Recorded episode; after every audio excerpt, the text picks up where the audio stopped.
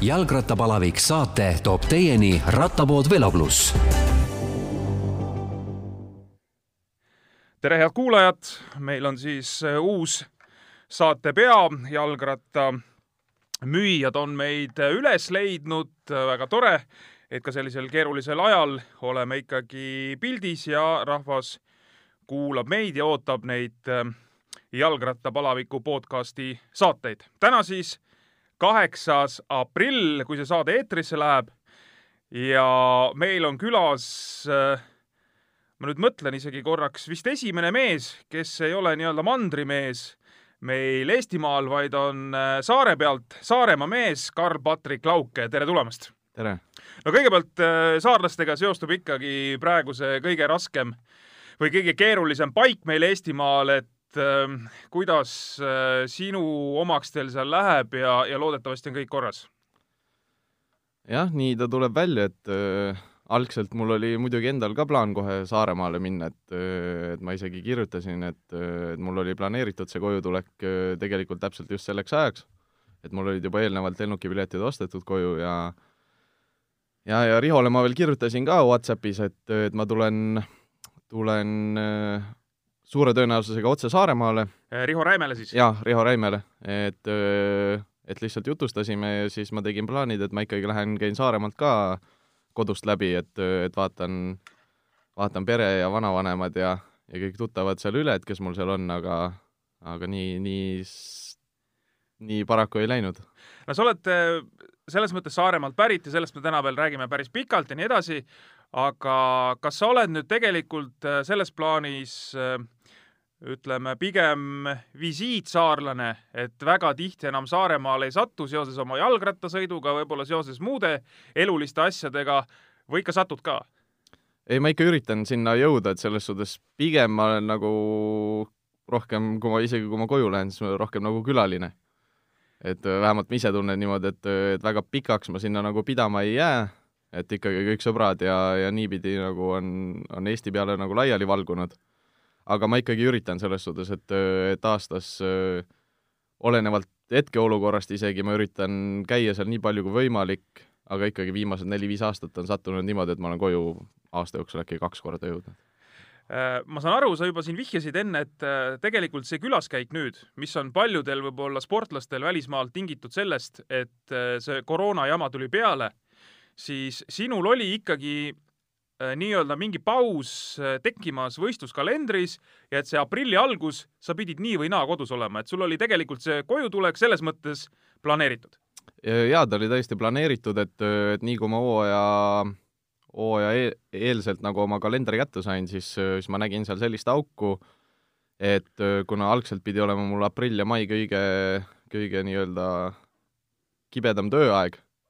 siis äh, ma plaanisin seal selle visiidi koju teha ja ma ostsin piletid ka juba ette ära, et ma oleks, võib-olla vahele oleks jäänud väga minimaalne ports võidusõite märtsi lõppfaasis. ja siis ta oli mul ette planeeritud ja tegelikult ma isegi alguses, kui see kogu, kogu asi niimoodi nagu laienes, see hetkesituatsioon, et siis ma isegi nagu noh, mulle öeldi, et sul ei ole mõtet koju tulla, et öö, et, et ega sul siin ka midagi teha ei ole. Ja mul olid juba piletid võetud ja aga need nagu situatsioonid muutusid nagu iga, iga tunniga, et et, et ma olin seal Prantsusmaa kodus, mul oli juba vaadatud, et jah, et kes mind juba lennujaama viib ja nii edasi, siis öeldi, et ära koju tule, okei okay,, ei tule, siis äh, seadsin oma mõttelaadi juba selleks, et ma jään siis, olen seal ja mis, mis mul ikka, et et, et lihtsalt sõidan seal rattaga ringi, et ilmad on paremad ja päris soojad olid juba, ma sain lühikeste riietega trenni teha seal juba ja, ja sa siis, ütleme, asusid või asud nii-öelda Lõuna-Prantsusmaal? teda nimetatakse rohkem Kesk-Prantsusmaaks Kesk. ta läheb mhm. ikkagi mm., ikkagi rohkem natuke Kesk-Prantsusmaa alla ja ja, ja siis ma tegin seal mõned trennid ära, võidusõidud jäeti ära, just üks päev oli veel nõnda, et et meil Prantsuse karikas jäeti ära ja ma olin suht kindel, et noh, et laupäevase sõidu, see oli siis neil reedene päev, et laupäevase sõidu seal mängiti meil tiimid ümber, et me ikkagi sõidame, ja siis mul tuli tiimiboss, tuli mind korra külastama sinna majja ja siis äh, just vist pesin ratast või midagi, et noh, lihtsalt, et äh, teen ratta puhtaks, et äh, ja nii edasi, et ja siis ta ütles, et noh, ma ütlesin, et homme vast ikka sõidame võidu. siis ta ütles, et ei tea, et siin tunni aja jooksul võib suht palju muutuda. et see võidusõit oli kriisikolletest piisavalt palju kaugel ja siis pesin ratta ära, ta läks minema, tegin lõunasöögi, et noh, et korraliku vulkaani spagett endale, et öö, järgmine päev ikkagi heas konditsioonis olla ja siis öö, võtsin peale seda interneti lahti ja esimene sõnum, mis vastu vaatas, oli, et sõit on ära tühistatud. okei okay,, ehk siis selleks nädalavahetuseks võidusõitu ei olnud, pühapäeval tegin ühe pika trenni, et noh, lihtsalt lähen naudin, vaatan seal ringi, kus kunagi käinud ei ole. ja siis juba eelnevalt olin äh, Mihkel Räime ja Martin Laasiga rääkinud, nad ka ütlesid, et nad jäävad Gironasse, et saavad seal vähemalt trenni teha, pühapäeval tulin, tulin koju, esmaspäevaks oli mul lend. see oli vist äkki kolmteist märts, märts mm. -hmm. ja tulin koju ja siis Laas oli mulle juba kirjutanud, et öö, nendel pandi kõik kinni, väljas trenni te teha ei tohi ja nad lendavad kõik koju. nii Tanel ja nii edasi. kohe helistasin siis Tanel Kangertile, küsisin, et noh, mis, et kas nad ikka lähevad, jah, kõik lähevad koju, okei okay. Ja kuna ma seal laagris käisin kevadel, siis tegelikult autosõidu kauguselt on ainult öö, Girona minust äkki viis tundi. ehk siis mitte midagi nagu. nii et põrutasid sinna? ei, ei? ei, kohe võtsin otsuse vastu, et öö, no viis tundi, see ei ole kaugel, et kui seal juba niimoodi kinni pannakse, et meil, meil, et ja meil ei ole nagu Pikka ka pidu, pääsu just. sellest. ja võtsin ikkagi otsuse vastu, et mis seal ikka, et võtan, võtan selle riski ja üritan lennujaamast kõikidest nii palju eemal olla kui võimalik ja lennukis, lennukis eraldi istuda ja siis öö, see mul üpris hästi õnnestus, et ma sain ikkagi päris palju distantsi hoida ja ja lennukis sain väikse niisuguse näpunäite Toomas Kirsi poolt, et mis on need õhuventilaatorid üleval. et pane see endale Kinni? vastavalt, ei, Ei. just, just puhuma, puhuma. aga vastu nina kergelt. et öö, sul oleks ikkagi värske õhk väljast nagu peale tulemas ja, siis niimoodi ma seal reisisin ja hoidsin teistest eemale ja üritasin ennast, ennast nagu kaitsta nii palju kui võimalik ja nii kui ma Tallinnasse maandusin, siis võtsin, võtsin oma auto Tallinnast ja siis sõitsin Tartusse karantiini. no nii, jaa, te olite ju mi- mitmekesi seal äh, selles mõttes ühe koha peal, et äh, olitegi nii-öelda teistest eraldatud äh,, aga Eestis on praegu see pluss ikkagi, kui sa siin rääkisid, et trenni teha ei saa seal Hispaanias ja, ja kus iganes Itaalias ja, ja Prantsusmaal, et äh, Eestis ühekaupa, ütleme, sõitmas käia ikkagi ju hetkel saab või, või paari kaupa siis näiteks alguses nagu tohtis rohkem, rohkemate inimestega selles suhtes, et ei olnud nagu otseseid piiranguid, et kui me Eestisse jõudsime, aga, aga me ikkagi hoidsime selle grupi väga, väga minimaalselt, kas käisime kolmekesi või kahekesi või vahepeal käisin üksinda, et, et, et ikkagi, ikkagi nagu võimalikult vähe inimestega kokku puutuda. Ja siin jah, meid on siiamaani veel õnnistatud sellega, et me saame väljas sõita ja seda minu arvates ei tohiks nagu niimoodi kuritarvitada et, et kui ikkagi mingid piirangud seatakse, siis meie ei ole nagu mingid erandid, et, et me ei peaks ka ikka neid proovima nii palju järgida kui võimalik. ei, ma olen selles, selles absoluutselt nõus, aga teisest küljest ütleme nii, et kui, kui ra- jalgrattur läheb üksinda sõitma kusagile, ma ei tea, metsa vahele või metsateede vahele, siis ma ausalt öelda ei näe selles ka mingisugust traagikat, et kui ta seal üksinda, tal on vaja trenni teha või, või natuke liigutada, et minu meelest on see täitsa okei okay. jah, see on selline imelik või niisugune natukene selles suhtes öö, selline spordiala, kus, kus selleks, et, et head taset säilitada, sa pead ikkagi mitte natuke trenni tegema, vaid ik- ikkagi trenni tegema, Tundide aga no tundide kaupa, aga tuleb ka mõistusega võtta, selles suhtes, et praegu meie tulevik on üpris lahtine ja hetkeseisuga, siis esimese aprilli seisuga järgmise võistluseni, kui väga hästi läheb, UCI poolt on siis määratud esimene juuni. jaa, see on praegu siis sinnamaani ühtegi UCI äh, ei luba ühtegi võistlust pidada ja ütleme nii, et äh, see on tõesti väga hästi vist, kui, kui nii läheb, sest tegelikult on juba kuulda, et juunikuus äh, on ka võistlusi ära cancel datud või, või edasi lükatud et äh, mine teagi, millal siin uuesti sõitma saab. aga jätame selle koroona teema hetkel, et see siin pressib niikuinii uksest ja aknast igalt poolt meile peale. kuule, läheme selle juurde, Karl-Patrik, et sa oled ju äh, tegelikult teist põlve võidusõitja, et äh, vähe vanemad rattasõbrad teavad äh, kindlasti ka sinu isa, Andres Lauku ja ma pean siinkohal tunnistama, et äh, ma olen sõitnud äh, Eesti meistrivõistlustel kaasa ühe korra äh, täismeeste grupisõitu. see oli aasta tuhat üheksasada üheksakümmend üks ja meile huvi pärast vaatasin, et mis seal siis nagu toimus tulemuste mõttes ja näed, ma olen osalenud samas sõidus, kus sinu isa tuli esimest korda Eesti meistriks grupisõidus. et ta tuli hiljem veel ühe korra, üheksakümne neljandal aastal, aga näed, selline kokkusattumus, et ma olen, olen olnud selles võistluses osaline, kus sul paps võttis siis selle meistrikulla ära. ma küsin siit lihtsalt, et kas äh, sa oled ikkagi rattasport, rattaspordi juures puhtalt tänu isale? ma ei saa öelda seda, et kas puhtalt tänu isale, selles suhtes, et kui mind see asi huvitama hakkas, siis tema oli enda karjääri juba lõpetanud. aga ma arvan, et see on ikkagi isiklikust initsiatiivist, et ma mingeid teisi spordialasid natukene ka proovisin või midagi tegin, aga aga väga sinna nagu pidama ei jäänud ja siis kodus vedeles seda, seda jalgratta nii-öelda igasuguseid juppe ja, ja eks jalgrattaid ka, et, et see mind nagu huvitas ja noh, piltide, piltide pealt nagu nägin, aga ma olen nagu ise seda öelnud, et tegelikult oli nii-öelda, see sport pakkus nagu nii palju, läksin nii noorelt trenni, et see pakkus nii palju, see oli nii met-, mitmekesine. et, et kui mina läksin vist kuue-seitsmeaastaselt nagu trenni, siis rattasõitu kui asja me nagu nii väga üldse ei teinudki, et Indrek Rannamaa leidis meile nii palju erinevaid tegevusi ja õpetas meile nii palju erinevaid spordialase, alates suusatamisest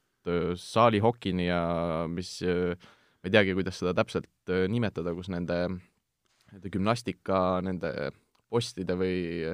või nende peal nagu igasuguseid harjutusi teha. et, et kõike õppisime ja kõike tegime ja ta oli nii palju huvitav ja pigem selle asja juurde jättis nagu see see grupp, kellega me seda tegime, et see on siiamaani koos ja ja, ja kas siis, kes siis on veel rattaspordi juures, kes mitte, et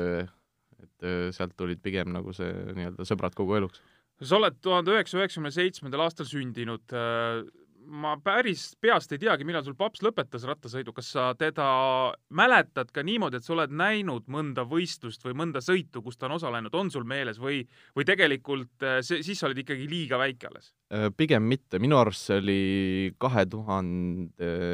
kahe tuhandete alguses äkki, kaks tuhat aasta, kui ta lõpetas äh, nii-öelda tegevsportlasena, ehk siis mina olin siis alles kolmeaastane, et niimoodi ma otseselt ei mäleta, aga aga rattaseljas peale seda ma ikka olen teda näinud jaa, ja ta, mis näinud, te olete isegi koos võistlemas käinud, kui ma ei eksi äh,. Nendel, mis saarte mängud need on nüüd, väikeste saarte mängudel kuskil või? jaa, väikesaarte mängudel, aga niimoodi, et tema siiski sõitnud ei ole minuga koos äh,. jaa, aga, aga ta võistles mingil alal kaasa seal, oli või? ei olnud, ei olnud, aa. sest mul kuidagi on meeles, et ta tuli sinna kaasa ja siis ta sõitis mingi krossi või midagi, aga see on lihtsalt võib-olla mul mingi Need peavad eelnevad olema. mina, mina olin, kuna seal on ikkagi mingi vanusepiirang, äh, siis äh, ma isegi seda, vot seda ma isegi mäletan natukene, mingi asi selle Krossiga oli, aga, aga siis mina olin liiga noor, et ta käis vist võib-olla kaasas nendega, aga mina, mina nagu koos mingeid võidusõite temaga, olen teinud võidusõite, Eesti mingid rattarallis äkki. ta tõesti käis siis, kui ma noorem olin, siis ta käis, käis ka mingeid, mingeid sõite natukene nagu kaasa tegemas, aga aga ainult niisugused õhkõrnad mälestused, et nii väga ei mäleta seda. ja tead, mul on, kui ma nüüd õigesti mäletan, kuidagi meeles, et su ema oli ju ka kunagi seotud Saaremaa velotuuri korraldamisega. ta vist aitas seal kaasa neid asju teha, sam-, jällegi, see on kuskil üheksakümnendate alguses, kui ma veel ise seal Saaremaa velotuuril joonel oli ja mul on kuidagi meeles, et sul ema oli ka seal äh, nii-öelda abiks või tegemas midagi. kui ma ei eksi, siis äh, isegi äkki aasta või kaks oli hoopis minu ema Saaremaa velotuuri peakorraldaja. peakorraldaja lausa, no nii. Et see võis täitsa olla, et ta on ikkagi kogu aeg on käed küljes olnud, et, et, et ikkagi üritanud aidata ja, ja toimetada. nii et äh, ütleme nii, et sealt võis ka noh, see rattapisik ema kaudu kindlasti selles suhtes kuuris on kogu aeg jalgrattad olemas olnud, aga mina, mina neid neid hetki nii väga ei mäleta, ma mäletan natuke hilisemalt Saaremaa velotuuri neid, siis kui juba Riho korraldas, kui ma ikkagi kaasas käisin kogu aeg Vikingi tiimiga, et aitasin nii palju, kui, kui, kui sain ja tegin joogipudelid valmis ja ja väiksele poisile niimoodi, kes ise huvitatud olid võidusõitu näha, siis suur asi, eks? Su-, suur asi ja leiti, leiti palju tegevust ka, et mida, mida teha no sa oled mõnes mõttes ju kasvanud üles, ütleme, kui me jõudsime juba sinna, et et sa olid noore poisina kusagil kaasas, et sa oled ikkagi Mihkel Räime tuules natuke üles kasvanud ka, eks või? vaadanud kogu aeg, et mida tema teeb ja, ja kuidas tal läheb ja tahaks eh, noh, selle me, selleni me ka veel jõuame, et see iseloomuvärgid ja särgid, et tahaks talle kogu aeg pähe panna ja Äh, kusjuures äh, ma isegi väidaks sellele täitsa vastupidist okay., et, et äh, temaga koos, aga meil oli ikkagi piisavalt palju, äkki neli või viis aastat vanusevahet, neli, neli aastat, ma arvan. et, et ma olin kogu aeg, ajasin oma asja ja selles suhtes nemad olid minu jaoks nagu suuremad, suuremad poisid, et käisid natukene, tegid tugevamat trenni ja ja mingil määral ma olin kogu aeg, kogu aeg nendest nagu sammu võrra maas, aga ma mäletan neid enda arenguhetki kui trennis mingisuguseid lõike või asju tehti, alguses jäin kohe maha, mingi hetk hakkasin juba seal taga ära istuma, siis tegin paar vahetust ja jäin maha, ja siis mingi hetk juba jõudsin sinna, et, et nad ei saanud must enam lahti. et, et aga seda, seda nagu, mäletan koolis mind kutsuti ka, sest ma olin hästi sarnane nii-öelda visuaalselt Mikule, siis ta klassivennad Kuressaare gümnaasiumis kutsusid mind väikseks Mikuks et äh, mingil määral ma käisin nagu jälgedes, aga ise olid kogu aeg nagu niimoodi, et äh, pea oli laiali otsas ja kogu aeg trenni või midagi oli vaja kogu aeg teha. Äh, hakkas sul kohe välja tulema rattasõit, sa juba mainisid, et no hästi noorelt nii-öelda hakkasid seal kaasas käima ja, ja treeningutel, kuigi rattaga ei sõitnud, aga kõiki muid asju tege-, tegite, et äh, hakkas äh, kiirelt välja tulema? No nii-öelda lapsest saati ma olin kogu aeg aktiivne ja õppisin kiiresti ja, ja siiamaani, et kui ma midagi uut teen, siis ma jääb hästi külge? jääb hästi külge või kui, isegi kui ei jää, siis ma jätan selle kohe nurka, et see, kui siis ta lihtsalt ei meeldi mulle ja siis ma teen midagi, midagi muud, mis rohkem huvitab, aga kuidas, kuidas öelda, et nii kui ma võistlema hakkasin, siis, siis kindlasti nagu, siis kindlasti noh, halvasti mul ei läinud, et öö, seal Riho korraldatud, algas asi üldse Riho korraldatud Saaremaa laste rattasõitudest. ja, ja sealt ta nagu kuidagi külge jäi ja, ja otseselt äh, eks ma ikka sain peksa ka seal, et äh, et, et mõni oli, seal olid ka vanusegrupid ja siis mingi hetk olid nagu vanusegrupi noorem ja said natuke suuremate käest peksa, ikka natukene nagu oli niisugune jah, et ütleme siis kuulajatele ka, et peksa see ülekantud tähenduses, et kaotasid jah, kaotasin jah, et, et ei olnud kogu aeg nii-öelda seal poodiumi kõrgemal astmel, aga aga ei, see nagu ei morjendanud ja juba siis noorest peast nagu saatis, et, et ikka on vaja, siis on natukene midagi vaja teistmoodi teha jälle ja rohkem kas trenni teha või midagi muud moodi, et, et paremaks saada. no jõuame nüüd natuke kaugemale selles plaanis, et äh, siin vahepeal muidugi võiks tervitused saata ka Riho Räimele, et äh, loodetavasti tal tervis äh, on juba oluliselt parem, kui siin vahepeal oli, aga kes on siis seda Saaremaa rattaelu seal päris pikalt vedanud, loomulikult koos teiste inimestega, sa ju mainisid siin Indrek Rannamaad ka, aga et jõuame sinnamaani, kus sa jõudsid Prantsusmaale. see oli siis kaks tuhat kuusteist vist ma vaatasin või oli see kaks tuhat viisteist, vist kaks tuhat kuusteist ikka või? kaks tuhat viisteist oli esi, esimene kontakt juuniorina, kui ma seal siis maailmameistrivõistlusteks nii-öelda äh, noh, enda arvates nagu valmistusin, aga noh, pärast hiljem ma olen nagu kogu aeg ikkagi öelnud, et see valmistumine või spetsiaalselt millegski valmistumine, et et tegelikult noh, ma võtan siiamaani kõiki võidusõite nõnda, et ikka tahaks võita. aga see oli esimene kontakt ja kaks tuhat viisteist ma olin kuu aega seal siis, kui Hendrik Puntsoo, Martin Laas ja Mihkel Räim olid Pro-Immos kõik koos, et siis ma sain nende juurde sinna minna ja, ja sealt lendasime pärast koos ka, ka Richmondisse USA-sse MM-ile ja järgmine aasta olid sa siis juba selle meeskonna täieõiguslik liige, eks? Äh, jah, see oli niimoodi, et äh, mul sai, mul sai, ma sain paar head tulemust seal ja siis äh, seal on üks kodukriteerium, nimet-, nimi on sellel Issoiri kriteerium. ja siis seal me saime eest ära ja siis ma olin Miku järel, Mihkel Räime järel siis teine. et, et ma olin pärast küll tulist viha täis, et et mul ikkagi need juuniorite nii-öelda siis ülekanded olid. et ma olin täiesti kindel, et ma oleks talle pähe pannud selle, aga noh, seda oleks või poleks on, või oleks on sama hästi kui poleks. et ikkagi teine, aga nii palju ma jäin neile seal silma ja, ja siis äh, muidugi Martin ja Mihkel ja nemad rääkisid siis tiimi bossiga, et näed, et et ikkagi äkki tasub nagu ära võtta, et tegelikult mul midagi juuni-, juunioride aastast ka paar head tulemust ikkagi oli, niimoodi ette näidata, aga seal ikkagi suutsin piisavalt palju endast nagu selle maksimumi võtta ja ikkagi silma jääda. ja siis tiimi boss ütles, et okei okay,, et ma olen su nõus võtma, me ei rääkinud kordagi tulemustest, ta ütles, et ta soovib, et ma ainult prantsuse keelt õpiks. ja see oli minu jaoks piisav argument, et, et seda teha ja, ja ma olin sellega nõus eh, räägime siis ära, et see on Prantsusmaa amatöörklubi, kõige kõrgemasse divisjoni kuulub Pro Immo Nicolas Roux ja selles klubis sa sõitsid siis kolm hooaega jutti, aga sellel, kas sellel kohe sellel esimesel aastal, kui sa sinna täisõiguslikuks liikmeks läksid, siis kas Eesti meestest juba tulid sealt keegi ära, et äh, kas äh, Martin Laas ja, ja Mihkel Räim tulid siis juba ära või te, või te sõitsite ühe aasta koos ka seal? ei, nemad olid, ma olen kõik oma aastad seal veetnud äh, ainukese välismaalasena, et nii palju, kui tiimis mehi olnud on, siis mina olen ainuke välismaalane olnud ja kõik ülejäänud on prantslased olnud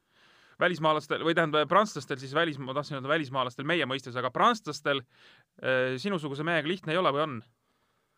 oleneb, nüüd vast ikka on, kui, kui keelt räägida, aga alguses ikka oli probleemi, et üks põikpäine eestlane seal ja sõnagi prantsuse keelt ei räägi ja pursib seal mingit öö, oma, oma rada kogu aeg, aga aga ma ikkagi võtsin seda lubadust nagu üpris tõsiselt, et, et see keel nagu ära õppida ja juba, et ma julgeks väita, et juba esimese aasta lõpus ma ikkagi ikkagi läbi, läbi raskuste ikkagi rääkisin juba nendega prantsuse keeles.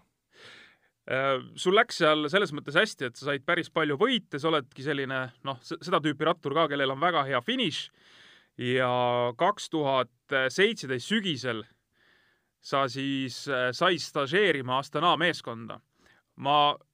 kui ma nüüd uduselt mäletan seda asja, siis oli vist nii, et ega Astana vist ei olnud ainus meeskond, kes sind äh, oli valmis stažööriks võtma et neid oli, oli veel tol ajal või, või ikkagi oli ainult see Astana võimalus laual? Reaalsete võimalustena, mis seal nagu tehti üpris, kuidas öelda, diskreetselt see. et, et, et oli mingeid, noh, minuni jõudsid nagu uudised, et äkki see, see tiim on huvitatud ja mingi teine tiim on huvitatud aga nagu midagi sellist ei olnud ja siis see oli, kui ma ei eksi, äkki see oli peale Eesti meistrivõistluseid see aasta, et me läksime puhkama Abruka saarele sõpradega kõikidega, et, et öö, telefon ei, ei käpi ja ja, ja teeme sauna ja grillime ja veedame lihtsalt head aega, et öö, ja, ja siis ikkagi, aga noh, ikkagi peab hoidma silma peal nagu tähtsatel asjadel nagu noh, et igaks juhuks emailidel ja asjadel ja siis viimane õhtu Abrukal istusime seal täiesti lõkke ääres ja sain, sain emaili siis äh, Astana Pro tiimilt, et, et me soovime sind äh, stažööriks. kas Vinokurov ise saatis või tuli sealt kellelgi teiselt? ei, see oli äkki mingilt assistendilt või nagu siis nende üld emaililt okay., kus see saadeti. ja ega seal selles suhtes äh, pikka pidu ei olnudki, et kui me sealt Abrukalt ära läksime, siis oli vaja saata ainult litsentsi ja dokumendi pildid ja, ja mingisugused öö, täiendavad infod ja sellest nagu, sellest piisas, et öö, ja kusjuures veel Oskar Nisu seal sealsamas lõkke ääres ütles, kui ma neile selle uudise nagu kohe seal välja lugesin, et Oskar Nisu ütles selle peale, et et ma ei uskunud, et tänapäeval veel sellised asjad toimivad aga, aga tuli see siis sulle nagu välk selgest taevast või ütleme, sa olid midagi Tanel Kangertiga näiteks äh, suhelnud sellel teemal kas või umbmääraselt, et Tanel sõitis tol ajal Astanas? ei, minu jaoks tollel hetkel, alguses ma arvasin ise ka, et see on mingi nali. et, et mina ei olnud Taneliga rääkinud, ma ei ole kusjuures niimoodi isegi isegi hiljem temaga rääkinud, aga ma arvan, et ikkagi tema käsi oli seal natukene mängus. või noh, mitte natuke, vaid päris palju aga minu jaoks tuli see täiesti niimoodi, et äh, vaatasid ise samamoodi seda emaili ja mõtlesid, et äh, et kas see nüüd on ikka õige asi või ei ole. mis siis kahekümneaastase noormehe peas äh, mm, mõlkuma hakkab, et kui sa, sa tahad saada sportlaseks, oled amatöör, istud lõkke ääres, oled sõprade keskel, järsku vaatad, ops, maailma üks kõvemaid tiime, saadab kutse, et äh, tule sõida meiega ma ei oskagi niimoodi, alguses valitses mingi hetk nagu tühjus, aga mingi hetk tuli lihtsalt selle reaalsusega leppida. et, et tuleb ikkagi endast, endast nii-öelda maksimum välja pigistada ja, ja üritada nagu, üritada nii hästi sellega toime tulla kui võimalik. et, et ega seal muud sellist kunsti ei olnud, et proovida lihtsalt jääda äh, tol ajahetkel iseendaks, et, et sa ei saa ju otseselt midagi, nii midagi muuta seal, et, et kuulata võimalikult palju korraldusi, mis sulle antakse ja ja endast, endast maksimum anda. no selle stažööri värgiga on, sellest me kohe räägime, on, on nii ja naa selles plaanis, et sõltub päris palju ka sellest, et millistele võidusõitudele ja kui palju see tiim sind lõpuks äh, peale paneb, aga, aga räägime enne selle loo veel ära, et kaks tuhat seitseteist sa olid ju tegelikult ju kuraaži täis selles plaanis, et sa võitsid Tour of Estonia äh,, olid Eesti koondise liige ja võitsid äh, amatöörimehena Tour of Estonia ära ja seal muidugi juhtus veel selline seik, et äh, esimesel etapil, mille sa võitsid, siis äh, Äh, kuidas, kuidas nüüd seda päris täpselt öelda, et äh, see, mis sa seal lõpus korraldasid, ajas kõigil nii-öelda asja keema, aga kuna sa võitsid selle etapi ikkagi ära, siis sa põhimõtteliselt said need asjad andeks. Jah, selle peale nii-öelda andeks andmise koha pealt siis, siis Jaan Kirsipuu ütles peale, peale etappi, et et võitjate üle kohut ei mõisteta. aga noh, eks mingi hetkeni ma üritasin nagu seda olukorda nii palju hallata, et ega ma alguses ise ka aru ei saanud, mis ma teen seal. et, et äh, aga ma üritasin nii-öelda ikkagi võimalikult palju taktikaliselt mõelda, aga siis ikkagi, kui me sealt Tartust, sealt Narvamäest alla tulime, kus korra sai nii-öelda jala sirgu lasta, siis, ja siis nagu tungisid need mõtted pähe ja siis, siis mul lõi küll tulukese põlema, et et on, mis on, aga, aga seda finišit ma küll pähe ei tohi saada, et et siis on, siis on vist Eesti koondise ja kõige muuga ka nii-öelda naljatades on, on sellega, sellega, sellega on lõppenud, jah Velo pluss e-poes on rikkalik valik erinevaid jalgrattaid. kui ostad Velo pluss e-poest vähemalt viiekümne euro eest, on transport tasuta. vaata velopluss.ee äh, kas, kas need on need hetked, ärme sellesse nii-öelda detaili selles mõttes päris mine, et vahet ei ole, mis seal lõpus oli, aga seis oli selline, et, et sa ei sõitnud kõige meeskondlikumalt. et kas need on, kas on, need on nüüd need hetked, et vaata, seal lööb välja see, et äh, see ambitsioon. Ma tahan võita, äh, mind ei huvita, ma võidan, et sa oled hästi selline noh, nii-öelda eesmärgile suunatud ja, ja minu arust äh, loomulikult see, see tol hetkel võib-olla oli seal kuskil meeskonnal arusaamatu ja ja võib-olla kui sa tagantjärgi ka ise mõtlesid, võib-olla oli, mõtlesid, et ei huvita, tegelikult ikkagi ei oleks pidanud nii tegema, aga minu arust on väga vahva, et sellised asjad nagu tulevad või et, et on sõitjal see noh, nii-öelda äh, ümberlülitumine olemas, et nii, mitte midagi muu ei huvita, mitte midagi muud ei taha, ma tahan selle asja ära võita. see täiesti oleneb, Eesti Tuur kin-, noh, e-, iseenda vaatevinklist ma julgen väita, et see nii ei olnud. et, et seal oli ikkagi, kuna ma ei olnud siis äh, ikkagi Mihkel Räim oli meil nii-öelda liidri, liidri rollis ja mina ennast, ma võitsin küll enne Eesti tuuri, just vahetult enne Eesti tuurile tulekut ma võitsin ühe võidusõidu. Prantsusmaal, eks? Prantsusmaal, aga see ei olnud kindlasti nagu võrreldes sellega, mis Miku oli võitnud selle, selle aasta alguses, ei olnud kindlasti nagu midagi, et ma oleks seal toriseda saanud, et ma soovin iseenda tulemuse peale sõita. aga natukene sellest stsenaariumist rääkides, siis öö, ikkagi lõpuni, kuni ma sain selle hetkeni aru nagu et, et mina pean nüüd ikkagi selle ära vormistama, et selle hetkeni ma ikkagi, ikkagi sõitsin täielikult Mih-, nii-öelda Miku jaoks või tema see, selle tagamõttega, et et enne lähtele jõudmist oli, oli ma ennast täiesti, täiesti üritanud nagu nii palju ohverdada ja nii palju nagu ennast siis kulutada selle jaoks, et Mihkel saaks ennast nagu säästa, aga see oli Jaan Kirsipuu enda enda soov või palve, ta kutsus mind auto juurde enne lähtet, et proovi natuke neid teisi võidusõitjaid, et kas sul on midagi veel sees järgi. ja minu idee tegelikult algne oli see, et need väiksed nii-öelda tõusukesed või, või mis seal lähte enne Tartusse sissetulekut on, ma ikkagi üritasin eest ära saada täiesti üksinda. et, et aga see mul välja ei tulnud ja pärast see, et taga piisavalt palju seisma jäädi, et mis nüüd toimub, ja see, et mina üritasin ikkagi üksi nagu minema saada, tekitas nagu piisavalt suure selle vahe, et isegi kui me juba seal neljakesi ees olime, siis ma ei pidanud isegi noh, minu jaoks seal töö tegemist ei olnud nagu see, mis, see purakas, mis ma tundsin, et mul ikkagi sees on, et mina ikkagi seal ees nagu enam ei, ei vajutanud öö, selle tagamõttega, et, et eest ära sõita nagu täielikult. aga ei, minu, minu jaoks oli see ikkagi stardijoonest finišijooneni oli see ikkagi Miku jaoks, aga, aga läks natukene teistmoodi. nii, ja, ja rattasõidus vahest lähebki teistmoodi. et võitsid tuuri ära, tuli see kutse Astanast ja äh, lõpuks oli siis asi see, et sa tegid Astana eest äh, mõned sõidud, aga need vist kippusid olema kuidagi mägised, eks? kui ma nüüd jällegi õigesti mäletan. Nad olid mägisemad, Norra tuur mulle väga meeldis aga seda ma ei pidanudki algselt öö, sõitma, aga kuna teine stažöör, kes võeti minuga koos, Jevgeni Kidiš, siis temal oli probleeme äkki Kasahstanist selle viisa saamisega. ja siis ikkagi saadeti mulle email, et sa sõidad ikkagi seda Norra tuuri ka, see oli üpris huvitav. aga ülejäänud need Itaalia sõidud olid üpris mägised, aga ma ei tooks seal nagu mingeid vabandusi või midagi, et ma sain ikkagi päris, päris suure, enda arvates sain seal palju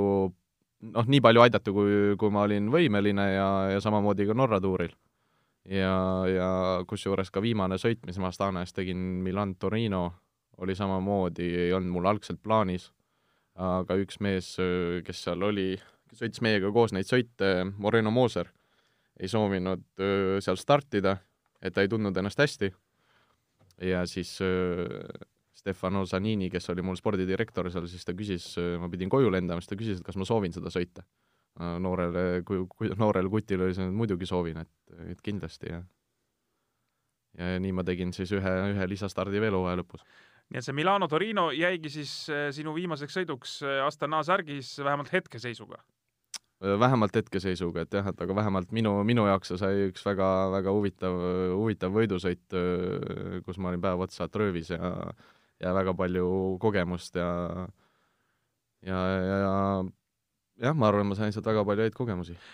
ütleme, see periood saab läbi, stažööri periood, mis tagasisidet me meeskonnalt siis nagu tuleb, et okei okay,, nad ei sõlmi sinuga lepingut või sõlminud sinuga lepingut, aga mingit tagasisidet ikkagi said?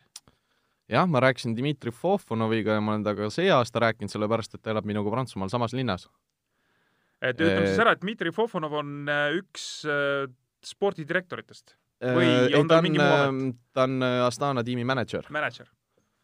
ja, ja siis äh, ma ikka rääkisin temaga ja siis äh, noh, noore sportlasena sa ikka, ikka soovid äh, mingi, midagi teada saada ja siis äh, nii palju, kui ma tagasisidet sain, siis äh, spordidirektorid olid nagu nii palju rahul, et ma üritasin, noh, tegin nii palju, kui suutsin ja ei hakanud seal heietama ega valetama, selles suhtes, kui jäin vara maha, jäin vara maha, ütlesin, et ei olnud seda ja, ja kui sain, kui arvasin, et tegin midagi hästi, siis, siis pärast ikkagi bussis nagu öeldi, et, et hästi tehtud. et kas siis sõitjate poolt või siis, või siis spordidirektorite poolt, aga siis ikkagi see hetk nagu tuli, et ma arvan, et see oli peale viimast sõitu nendega, siis, siis ma Dmitri Fofonoviga rääkisin, siis ta ütles, et nad ikkagi mulle lepingut ei anna et nad arvavad, et, et ma ikkagi ei ole selleks valmis ja olen selleks liiga noor, et, et rohkem ma sealt midagi välja pressima ei hakanud, et et kahju ikka oli, aga, aga see oli nende otsus, et, mina ei saa seal midagi vaidlustada. kuule, kas iseloomuomaduste poolest oled sa selline mees, et et me rääkisime praegu sellest stažööri, noh, et paned võimalikult palju kõrva taha ja nii edasi, täpselt noh, no nii ongi, et selles mõttes sa pead ju Äh, kõik sisse ahmima, mis sulle sealt tuleb, onju. et äh, aga, aga sa oled selline mees, et äh, lontis kõrvadega, isegi kui sa oled stažöör, lontis kõrvadega sa bussi ei lähe ja, ja kui sa tunned, et, et keegi noh, nii-öelda teeb sulle, ütleb mingi vale remargi või, või teeb sulle liiga selles mõttes, et äh, sa omast arust äh, said asjadega hakkama, aga keegi tuleb seal paukuma, siis sa oled isegi valmis Niba-, Nibalile ütlema näiteks, noh, ütleme, kui Nibali tol ajal sõitis Astanas, et kuule, mees, käi kuu peale. et äh, sa selline mees ei ole vist, kes ütlemata jätab? see täiesti oleneb, et, et see kõik, ma julgeks väita, et see kõik muutub aastatega et, et, et kõik arenevad ja samamoodi ka mina, aga tavaliselt ma ikkagi nüüd üritan ikkagi enne läbi mõelda, enne kui ma midagi ütlen. aga kõik, mis ma, mis ma välja ütlen või ma proovin vähemalt äh, enda jaoks selle ikkagi ana-, läbi analüüsida, et kas ta ikkagi noh, kas, äh, kas see tuleb niisama emotsiooni pealt, et vahest tuleb ka seda, aga ikkagi tihtipeale sellel on, kui sa lihtsalt välja tulistad midagi, et sellel võivad olla halvad tagajärjed, et ikkagi tasub öelda, aga aga kui ma ikkagi saan aru, et et, et lihtsalt pähe istutakse, siis noh, siis, siis järgiandmisi tavaliselt ma väga palju teha ei taha, et, et, et seda ei, seda on mulle õpetatud, et kusjuures mu enda ema poolt, et et, et pähe, pähe ei tohi lasta endal istuda. Enda eest tuleb seista. nii, kaks tuhat kaheksateist sügis, sa olid jätkuvalt seal nii-öelda amatöörklubis Pro Imos, kõik jälle sujus, võite tuli ja sügisel jälle staažöör ja nüüd siis juba Prantsusmaa tiimis tol ajal, mis kandis siis nime Fortuneo Samsic see tiim on olemas ka praegu, see on väga kõva tiim, hetkel siis sinna on tulnud Naira Quintana sõitma, seal on teisi mehi veel, et äh, selle tiimiga sõitsid ka ja ausalt öelda isegi need sõidud, mis sa seal tegid, osad minu meelest tulid nagu väga hästi välja, aga jälle tehinguks ei läinud. jah, see oli selline huvitav, huvitav äh, nii-öelda kuidas öelda, huvitav koostöö või mitte, mitte huvitav koostöö, aga minu jaoks oli see nagu natuke arusaamatu, et nad ise näitasid nagu initsiatiivi üles, et, mind stažööriks sinna võtta, ma olin nagu, sest mulle samal aastal pakkus ka uuesti Astana. aga nemad pakkusid niimoodi, et me võime sulle äh, stažööriks mineku võimalust? uuesti. aga nemad ütlesid, et et me võime pakkuda sulle stažöö, stažööri lepingut uuesti, aga lepingut me sulle pakkuda ei saa. seda, see öeldi nagu kindlalt ära aga ikkagi hakkas juba niimoodi minema, et ma nägin, et mul on vaja natuke paremat nii-öelda paremaid võidusõite või võimalusi, et, et ennast arendada ja ühesõnaga, sa tahtsid ikkagi tegelikult juba, sa olid mõtetega jõudnud sinnamaani, et sa pead amatööridest tegema sammu edasi? just. ja siis äh, edasine on juba ajalugu selles suhtes, et, äh, et ei saanud täpselt mina aru, mis, äh, mis seal toimus ja, ja mis mis seal probleemideks oli, et, et kindlasti ma ei ole, ei ole ise mingisugune lillelaps, et, et kindlasti oli ka mingeid minu vigu, et ma üldse ei, ei eita seda, aga aga see, mis minu arvates sealtpoolt tehti, et sellest, sellest mina aru ei saanud. see jutt käib siis praegu sellest äh, Samsung äh, meeskonnast? just, et, et, et mulle saadeti algne võistluskalender vaatasin, et, et päris huvitav ja päris palju niisuguseid, selliseid sõite, et et heal, heal päeval, et võiks isegi ise proovida, et kui, kui selleks võimalus antakse. Ja augustikuust pidin alustama, mul pidi olema neliteist starti, siis olime juba jõudnud augustikuusse, siis ma küsisin lihtsalt, noh, mul oli enda tiimile vaja öelda, et, et nad mind kuskile sõitudele ei paneks, et millal ma pean lendama ja nii edasi võistlustele, et, et ma saaks neid sõita. Ja siis öeldi kohe esimese korraga, et ei, augustis sa võidu ei sõida. Noh, ma ei hakanud siis nagu suurt öö, probleemi sellest tegema, selles suhtes, et septembrisse oli ka päris palju võidusõite nagu planeeritud. ja siis öö, jõudis juba septembri algus kätte, siis augustis kusjuures oli veel selline seik ka, et, et ma olin juba oma tiimiga läinud ühele velotuurile.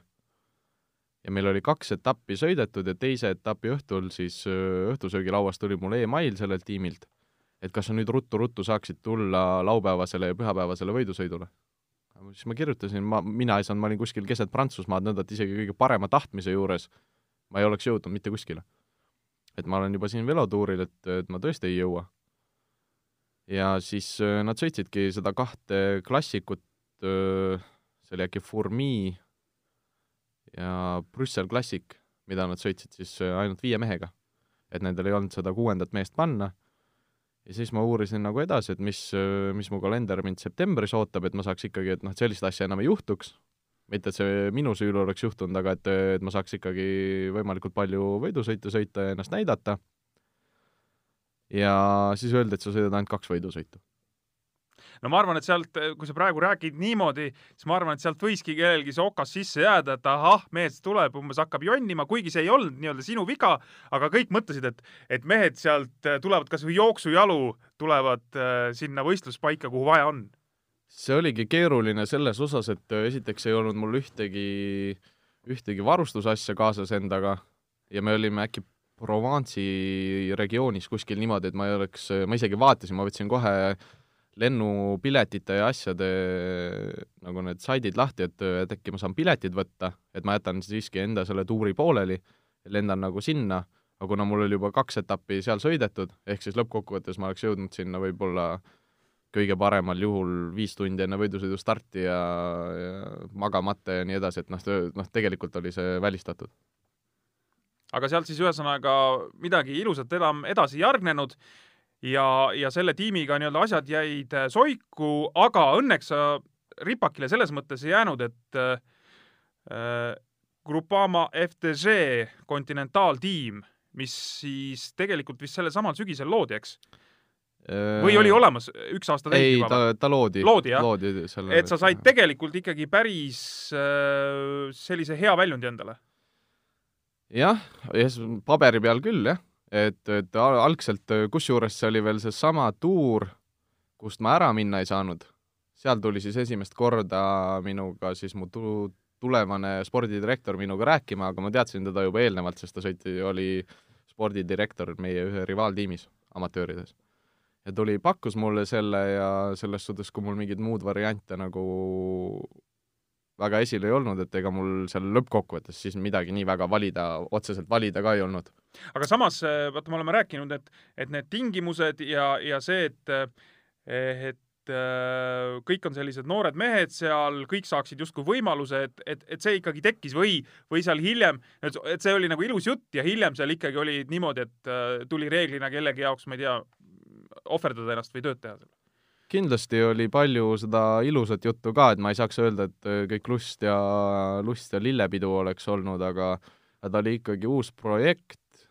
ja nagu ma olen alati öelnud, et, et tiim ise tiim kui selline, et ta on ikkagi suur organisatsioon ja, ja hästi rahastatud ja tiim kui ise sellisena kindlasti halb ei olnud. aga lihtsalt olid seal, seal sellised öö, oma eripärad või, või paar erinevat isikut, kes nagu kas ei tahtnud enda jonni jätta või igatahes loodi nagu selline olukord, kus võeti need noored, aga võetigi nagu, noh, mina olin juba kakskümmend kaks selleks ajaks juba neli-viis aastat nagu täitsa üksi elanud, kui kooliaega veel e-, eelnevalt arve, arvestada. et, et täitsa oma rada ja siis võeti nagu sellised inimesed, et meid koheldi kui, kui väga noori kuueteist-seitsmeteistaastased, et et see lihtsalt ei klappinud omavahel. Aga selles mõttes oli see huvitav tiim, et palju teil oli see, kaksteist sõitjat vist või? kaksteist jah ja., aga me tegime üheteistkümne sõitjaga hooaja. selge. pärast, pärast võeti juurde, aga seal juhtus ühe ma nägin teda ainult ühe korra esimeses selles kokkusaamise laagris, oli ähm, Samuele Manfredi, kes sattus autoõnnetusse äkki kaks päeva enne, rattaga trennis olles Itaalias, kaks päeva enne, enne esimest öö, talve, seda kalpelaagrit. ja, ja siis ta oli äkki koomas kaks kuud ja, ja siis siia, siiamaani selles suhtes ei, et selles suhtes ta on, et ta räägib ja aga vist ise, iseseisvalt ei kõnni ega ei, ei liigu hetkel. no kurvad, kurvad juhtumid, sellised äh, äh, paraku neid ikkagi aset leiab, aga ühesõnaga, tingimused kõigile ühesugused. jah, et ma mõtlen, äh, palgatingimused, äh, muud asjad, kõik ühe vitsaga löödud üpris, üpris küll, et seal oli selles suhtes, niimoodi võis seda võtta, aga ikkagi hiljem näha olevalt siis ikkagi eelistati, eelistati või kellel lihtsam oli, oli ikkagi prantslastel, et ikkagi Prantsuse tiim ja prantslased ja no ja mingis mõttes on see arusaadav, kuigi me, kuigi meile, ütleme, nii-öelda nendele meestele, kes sealt kuskilt mujalt tulevad, see ei meeldi ja, ja kui sa isegi tunned, et sa oled tegelikult mõnest meest nagu tugevam, aga võetakse see teine mees, loomulikult see, see tekitab trotsi, see peabki nii olema. aga teisest küljest prantslased, no veri on paksem kui vesi, midagi teha ei ole. Ei, ega ei olegi, et selles suhtes mina seda endale kunagi vabanduseks ette ei toonud, et üritasin ikkagi nii, nii tugevasti tööd teha kui võimalik ja enda, enda osa seal täita ja ja, ja tulemusi täpselt vastavalt sellele teha, et see mind, sellest ma ennast otseselt morjendada ei lasknud. no sul oli muidugi veel see, et enne kui sa läksid sinna tiimi juurde või, või kui sa hakkasid seal käima, sa ju käisid Kaitseväest läbi, eks? nii, nii juhtus, jah see jättis ka mingi jälje või tegelikult sa nüüd ütled, et äh, ei, see nüüd häirinud midagi? ma olen siin hil-, hiljuti ka rääkinud, et tegelikult ma tagasi vaadates mina, mina midagi ei kahetse. Et selles suhtes see Kaitsevägi, minu jaoks oli see väga huvitav, huvitav kogemus ja sai palju nalja ja, ja sai palju uusi kraavi said ka ikka kaevata või? nalja ikka, ikka, ikka, ikka said, jah? nagu endal oleks isegi hauda kaevanud, et, et, et enda kaeviku kaevamine ja kõik, kõik muud huvitavad asjad, mis, mis teha sai ja ja mina arvan, et ma jään ikkagi elu lõpuni tänulikuks selle, selle kogemuse eest. kindlasti mõjutas midagi, aga samas noh, seal oli hästi palju teisi, teisi faktoreid ka, mis võib-olla seda hooaega võis mõjutada aga minu jaoks on nii-öelda möödanik ja, ja üritaks äh, rohkem tuleviku suunas vaadata, kui, kui nüüd seda mõelda, et, et kas see mõjutas või ei mõjutanud, et, et igatpidi tuli, tuli huvitavaid, huvitavaid uusi kogemusi. no eelmise hooaja lõpp oli selles mõttes kurb, et äh, ma olin ise ka maailmameistrivõistlustel äh,, nägin äh, nii-öelda seda kukkumist või mis seda, selle, selle kukkumise tagajärgi, et sul tuli seal sõit pooleli jätta äh, ja, ja lõpuks ei tulnud äh, ka nii-öelda profitiimidelt äh, lepingut, et äh, selles mõttes oli kahtlemata nagu noh, kuidas ma ütlen, kurb või, või ängistav, aga tore on näha, et sa oled selles mõttes sellest üle saanud, et sa ikkagi ei visanud asju, asju sinnapaika ja ja ikkagi sõidad edasi ja oled siis tagasi praegu sellesama Pro Immo amatöörklubi juures. jah, et öö ta oli niisugune, niisugune, ei ütleks, et kurb lõpp, aga samas nagu ikka juhtub, et minu jaoks oli see kukkumine selles suhtes teistest võrreldes nagu teistsugune, et et see oli vist mu elu esimene kukkumine, tänu millele ma olen pidanud võidusõidu pooleli jätma, et ma ei ole vist kunagi enne võidusõitu nagu niimoodi pooleli pidanud jätma, ükskõik mille, mille puhul, aga, aga siis seda ikkagi tuli teha. aga noh, eks ta alguses tundus nagu tõsine, aga nüüd tagantjärele vaadates, siis siis ma ei tea, kui ma nüüd ausalt ütlen, siis ma kordagi mingit nagu otsest valu ei tundnudki. et, et operatsioon tehti ära põlvele ja ja, ja pärast kõndides vaikselt tuli see põlve nagu painduvuse asi ka tagasi, aga otseselt, otseselt nagu tegelikult ma midagi tundnud ei ole, et kaks nädalat hiljem ma juba tegin esimese, Tallinnas esimese jooksutrenni, et et, et ikka oli vaja kohe proovima minna et hinge ei andnud rahu, aga siiamaani mind seganud ei ole ja õnneks oli üpris õnnelik kukkumine ka, et ta oli ikkagi, ikkagi midagi, noh, ainult nagu liha ja nahk lõppkokkuvõttes, et seal ikkagi lõigati põlv täielikult lahti ja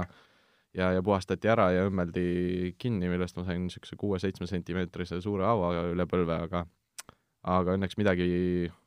luud ja kondid jäid terveks, ütleme nii jah, et midagi selles mõttes äh, päris totaalselt nagu katki ei läinud, aga see sisemine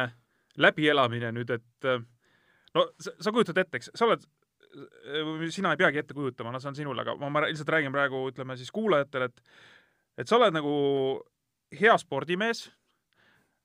enda arust nagu, nagu jõuad sõita ka, märk peaks maas olema, värgid kõik ja alati, muidugi nende tulemuste osas võiks alati nagu nõuda, et kuule, aga oleks võinud ju veel midagi paremat, on ju, seda, seda saab alati praktiliselt öelda. ja, ja siis järsku on tunne, et näed, ei tulegi kuskilt, keegi ei võtagi mind ära, et mis nüüd saab, et et tead, see võib ikkagi olla selline olukord, et äh, löödki käega. no ükskord elus ta tuleb nii või naa ette et, et, et seal ei ole nagu sportlasena, et seda karjääri me nagu pika väga, noh, elu lõpuni me seda ei tee aga vahest ikka on selline tunne, aga seal ei saa nagu elu ka nii palju õpetada või ise muutud nagu rahulikumaks, et see nagu kukkumine ja see, et on nagu hetke, hetke emotsioon, aga samas äh, mina nüüdsest võtan nagu seda üpris rahulikult, et see on nagu paratamatus, et pärast seda nagu läbi elada või et, et huvitav, mis oleks saanud, et seda, seda teha otseselt mõtet ei ole, et äh, et, et lihtsalt hetkeolukord on selline, tuleb adapteeruda sellega ja sealt nagu edasi minna ja tiimide koha pealt, noh, iga aasta on turul nagu keeruline. et, et eelmine aasta läksid ka, läks üks suur tiim kinni, millest sõltus nagu, sõltus nagu palju üleminekulepinguid ja ja isegi kui ma arvasin, et nagu võiks või, või keegi nagu võiks selle lepingu nagu anda, siis see ju samamoodi ei ole otseselt, et mina pean enda, enda poolt nagu maksimumi tegema ja aga ju siis oli lihtsalt, kuidas öelda, paremaid mehi võtta. et, et mina ei saa ju nende, nende otsuseid seal vaidlustada. ja siis nii ta läks. no nüüd sa oled vähemalt selles mõttes jällegi kindlates kätes, et äh, juba siin esimesed võidud hooaja alguses tulid ka. ma muidugi ei tea, mis alusel hakatakse siin järgmiseks aastaks mehi võtma, kui siin praktiliselt ütleme, no pool hooaega, ma kardan, juba kindlasti jääb sõitmata. et kui siin nüüd midagi hooaja teises pooles sõita saab, aga et mis alusel hakatakse siin järgmiseks aastaks endale mehi valima? see on tõesti suur küsimärk, et, et hetkeseisuga mina võtan täiesti päeva korraga, ma ütleks, et või noh, selle hooaja alguses tundsin ma ennast tugevamalt, kui ma üldse kunagi ennast tundnud olen. Et, et seda näitasid mingil määral, näitasid nagu tulemused ja, ja võidusõidud ka, kus ma eelnevalt nagu ikkagi olen nagu varju jäänud ja ei ole hakkama saanud, et see aasta nagu isegi need ei tekitanud nagu mingisuguseid probleeme. ja, ja sellest aastast ma sain korralikult ka ettevalmistuse teha nii-öelda jälle enda, enda treeneriga, kellega ma eelnevalt treeninud olen. ja, ja arenguhüpe oli päris suur vähemalt ise ma nägin seda ja, nii palju nägi ka tema numbrite pealt ja enesetunde pealt nägin. ja see edasine, edasine minek, et ma ei kujuta ette, et hooaja algus oli küll hea, ma ei tea, kui palju see midagi mõjutab, aga kindlasti tuleb nagu seda telgitagust tööd veel kõvasti enda, enda poolt teha, et et, et ikkagi mingisugune asi siis selle hooaja alguse pealt nagu kokku panna, ma ei tea, palju vanarasva pealt saab nagu seda kokku panna, et kui palju see kedagi nüüd nagu aastal kaks tuhat kakskümmend huvitab, et ma kaks tuhat seitseteist Tour of Estonia võitsin, et minu jaoks on need kindlasti head mälet-, mälestused, aga ei tea, palju see kedagi selles suhtes nagu tuleviku mõistes huvitab. aga teha täpselt samamoodi nii-öelda siis profiil sellest, nagu üritada näidata, palju sa arenenud oled, ja äkki selle pealt siis nagu just, just, ja tead, mis sa pead tegema? ma, ärme teistele väga räägi või selles mõttes Eesti meestele võib ikka rääkida, kui Eesti, Eesti ratturid kuulevad, et et tead, nüüd on aega ka, teete oma treeningu ära ja siis lähete koju, otsite kõik need numbrid välja, need arengunumbrid, teete ilusa PowerPointi ja siis saadete tiimidele laiali ja, ja teil hakkab, mehed, kutseid tulema sinna postkasti. jah, ta ütleme nii, et saladusloori all, ega ta väike, väike plaan ongi selline, et et, et igast olukorrast ju tuleb enda, enda jaoks maksimum võtta. et ma kohe sellele mõtlesin, mul treener mind aitab selle nii-öelda siis jõuprofiili või meie nimetame seda power data profiiliks, et selle nagu, selle nagu koostada, mingeid ulmelisi numbreid mul seal väl-, ette välja näidata ei ole, aga kindlasti areng on vähemalt enda arvates ja nii palju, kui ma näen, on nagu toimunud, et midagi muud ma nagu teha ei saa, et kontakte otsida äh, ja, ja vaadata, et mis saab, et kas, kas jään kellelegi silma ja noh, muidugi ega ei saa nii-öelda palmide alla puhkama jääda, et, et ikkagi reaalset vormi ka nüüd hoida ja kui ikkagi peaks võidusõidu, võidusõitudeks uuesti minema, et, et siis seal nagu löögivalmis olla. kas sa midagi, Karl-Patrik, oled kuulnud sellistest asjadest ka, et siin kuna sõita ei saa, võistlusi ei, toimu, nüüd hakatakse mingeid e-paigi äh, virtuaalseid sõite tegema, et iga mees istub kodus puki peal äh,, Äh, korraldajad jagavad äh, noh, nii-öelda sellise ligipääsu, teevad äh, mängu sisse siis ühe konkreetse nii-öelda võidusõidu faili, jagavad teatud sõitjatele ainult siis ligipääsu sinna, kutsuvad võistlema ja nüüd siin pidid vist juba tulema kas Belgia mingi klassiku mingisugused viimased kuuskümmend, seitsekümmend kilomeetrit, et igal mehel on ekraan kodus ees ja siis läheb asi sinna ja mine tead, kui nüüd hakkab, hakkab see toimima, siis äh, varsti on meil pooled võistlused ongi ainult looduses ja ülejäänud on kõik juba kodus, sõidate seal puki peal ja arvuti taga. Äh, jah, mina selle fänn nagu väga ei ole, et seda nimetatakse Swifti, Swifti programmiks ja, ja ma olen seda, see talv ma proovisin seda, aga mina ei suuda kodustes tingimustes niimoodi noh, puki peal vahest peab halva ilmaga seal trenni tegema, mul on hea pukk, aga äh, no maksimaalselt äkki poolteist tundi, et rohkem mina seal olla nagu ei suuda, et, et kui nad tõesti kavatsevad seal seitsmetunniseid võidusõitusid teha, siis äh, mina soovin nendele palju õnne ja, ja soovin edu selles, et äh, mina seal üle tunni-pooleteist ei, ei suuda olla ja ei, ma olen aru saanud, et vist nad terveid võidusõite vist ei taha teha, aga, aga eks paistab, mis elu toob. jaa, aga sellega on selline huvitav asi, et öö, äh, selle juures see, selline võistlus lõikab ära kõik muud, muud faktorid mis äh, minu võidusõitjast tüübi kohta on, äh, on täiesti välistatud, et äh, tuul, tõusud, laskumised, kõik sellised asjad, et, et kui sul on vaja ainult lihtsalt tuimalt nagu tuimalt vändata, vändata ja Mhm. seda nii-öelda palju nii-öelda vatte või jõudu, siis sellega mina seal kindlasti nagu läbi ei löö, et mul läheb vaja neid teisi faktoreid ja ma arvan, et ka maailma tippstaaridest on, on seal väga palju neid, kellel, kes seal nagu figureerida ei suudaks. väga huvitav oleks, tegelikult oleks väga hu-, noh, niisugune, kuidas ma ütlen, äge oleks kuskile sisse muukida, et saaks endale ka selle võistlusnumbri. Läheks ka sinna äh, sõitma, nii-öelda enda nime all sõitma, aga siis kutsuks äh, sinu või Taneli või Reinu kutsuks enda asemel väntama sinna, et äh, saaks oma nime all kuidagi seal esineda. seal äh, isegi kusjuures neid, äh, neid võistlusi on ja neid korraldatakse isegi juba, korraldatakse isegi juba meistritiitlite tasemel, et näiteks Suurbritannias on isegi korraldatud äh, riigimeistrivõistlused selles, aga see, see, kes siis võitis, on, sai siis nii-öelda karistada mingisuguse sohi tegemise eest, et Ah, tal okei, oli mingi asi seal, et ei no kindlasti seal on nii võima-, nii palju võimalik seal ja annab, annab nuputada küll igasuguseid saad asju, jaa., saad oma kaaluga valetada, noh, nendel võistlustel ei saa, et seal on ikkagi kaalumised ja koha peal need, aga mingi, mingi asi tal seal oli, mille eest ta nagu karistada sai ja talt see tiitel ära võeti, et et neid võistlusi juba toimub, aga kas see nagu muutub selleks, et et nagu siis minnakse täiesti loodusest nüüd selle peale, siis kui sel juhul, siis ma hakkan küll muud tööd, töökohta otsima, hakkad mingit muud ala tegema. No lähed triatloni peale. ei, kindlasti mitte. Ei, kindlasti mitte, jah. kindlasti mitte. et seal eh, see ujumise etapist asi kaugemale ei jõua. noh, kui vene, vene, vene kirvest ja, ja, joostes ka, et nende meetripikkuste jalgadega seal,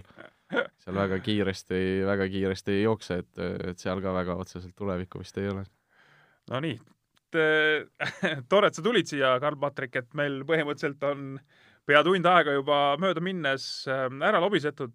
ma ei tea, praeguses olukorras ei oskagi selles plaanis midagi soovida peale selle, et sa terve püsiks, et et ma ei, ma ei kujuta ette, milleks valmistuda ja kuidas valmistuda, et seda aimdust ei ole vist mitte, mitte ühelgi sportlasel hetkel, ma pean silmas, ütleme eelkõige jalgrattureid. kõige paremini, ma ei tea, kas ma oskaks, kas see nüüd soovitusena on, mina hästi palju enesetunde järgi teha. Et kui sa ikkagi tippsporti teed, et öö, siiamaani ma ennast tunnen hästi ja ja paksuks ei tasu süüa, et, et proovida võimalikult öö, tervislikult ja vitamiinirohkelt süüa, aga et öö, hetkel, kui mingit kindlat kuupäeva või kui see asi nagu möödas ei ole, et noh, kindlasti tuleb soovida seda ka, et, et lihtsalt hea tervise juures hoida, et ennast, ennast hoida, aga aga lihtsalt minu noh, peab nii palju, nii palju trenni koha pealt, siis, siis mina nagu teen enesetunde järgi, et kui ma lihtsalt ei jõuagi mingi päev välja minna, siis ma ei lähe nagu pressima seda. ja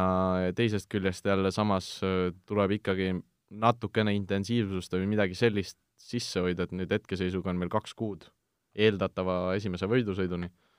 et, et see, see valu ka ära ei unuse, ununeks, et kui ikkagi nüüd öeldakse, et esimene juuni läheb asi lahti ja siis avastad, et aga nüüd peaks ju nagu midagi natuke haiget ka endale tegema enne esimesi võidusõite. Et siis noh, et, et see valu nagu ka ära ei ununeks ja, ja kuule, tehke siis ikka need PowerPointid ka valmis, et ärge seda ka ära unustage. selle no. kaks kuud on aega teha vähemalt. eks see ongi telgi te,, telgitagune töö peab ka ikkagi tugev olema, iseasi on see, et kui see nüüd peaks läbi minema, et öö, siis tuleb ikkagi, et ikkagi nähakse midagi, siis tuleb ikka korra peeglisse ka vaadata ja, ja, ja siis öö, nii-öelda tõdeda, et et nüüd alles reaalne töö hakkab, et et, et võib-olla isegi lihtne, võiks öelda, et võib-olla lihtsam on sinna saada, iseasi, kas sa sinna püsima jääd. et see on nagu teine tõestamise koht. Nonii, tänud veel kord, aitäh kõigile kuulajatele ja järgmine Jalgrattapalaviku saade siis juba nädala pärast. siga taga, siga taga, hei, hei,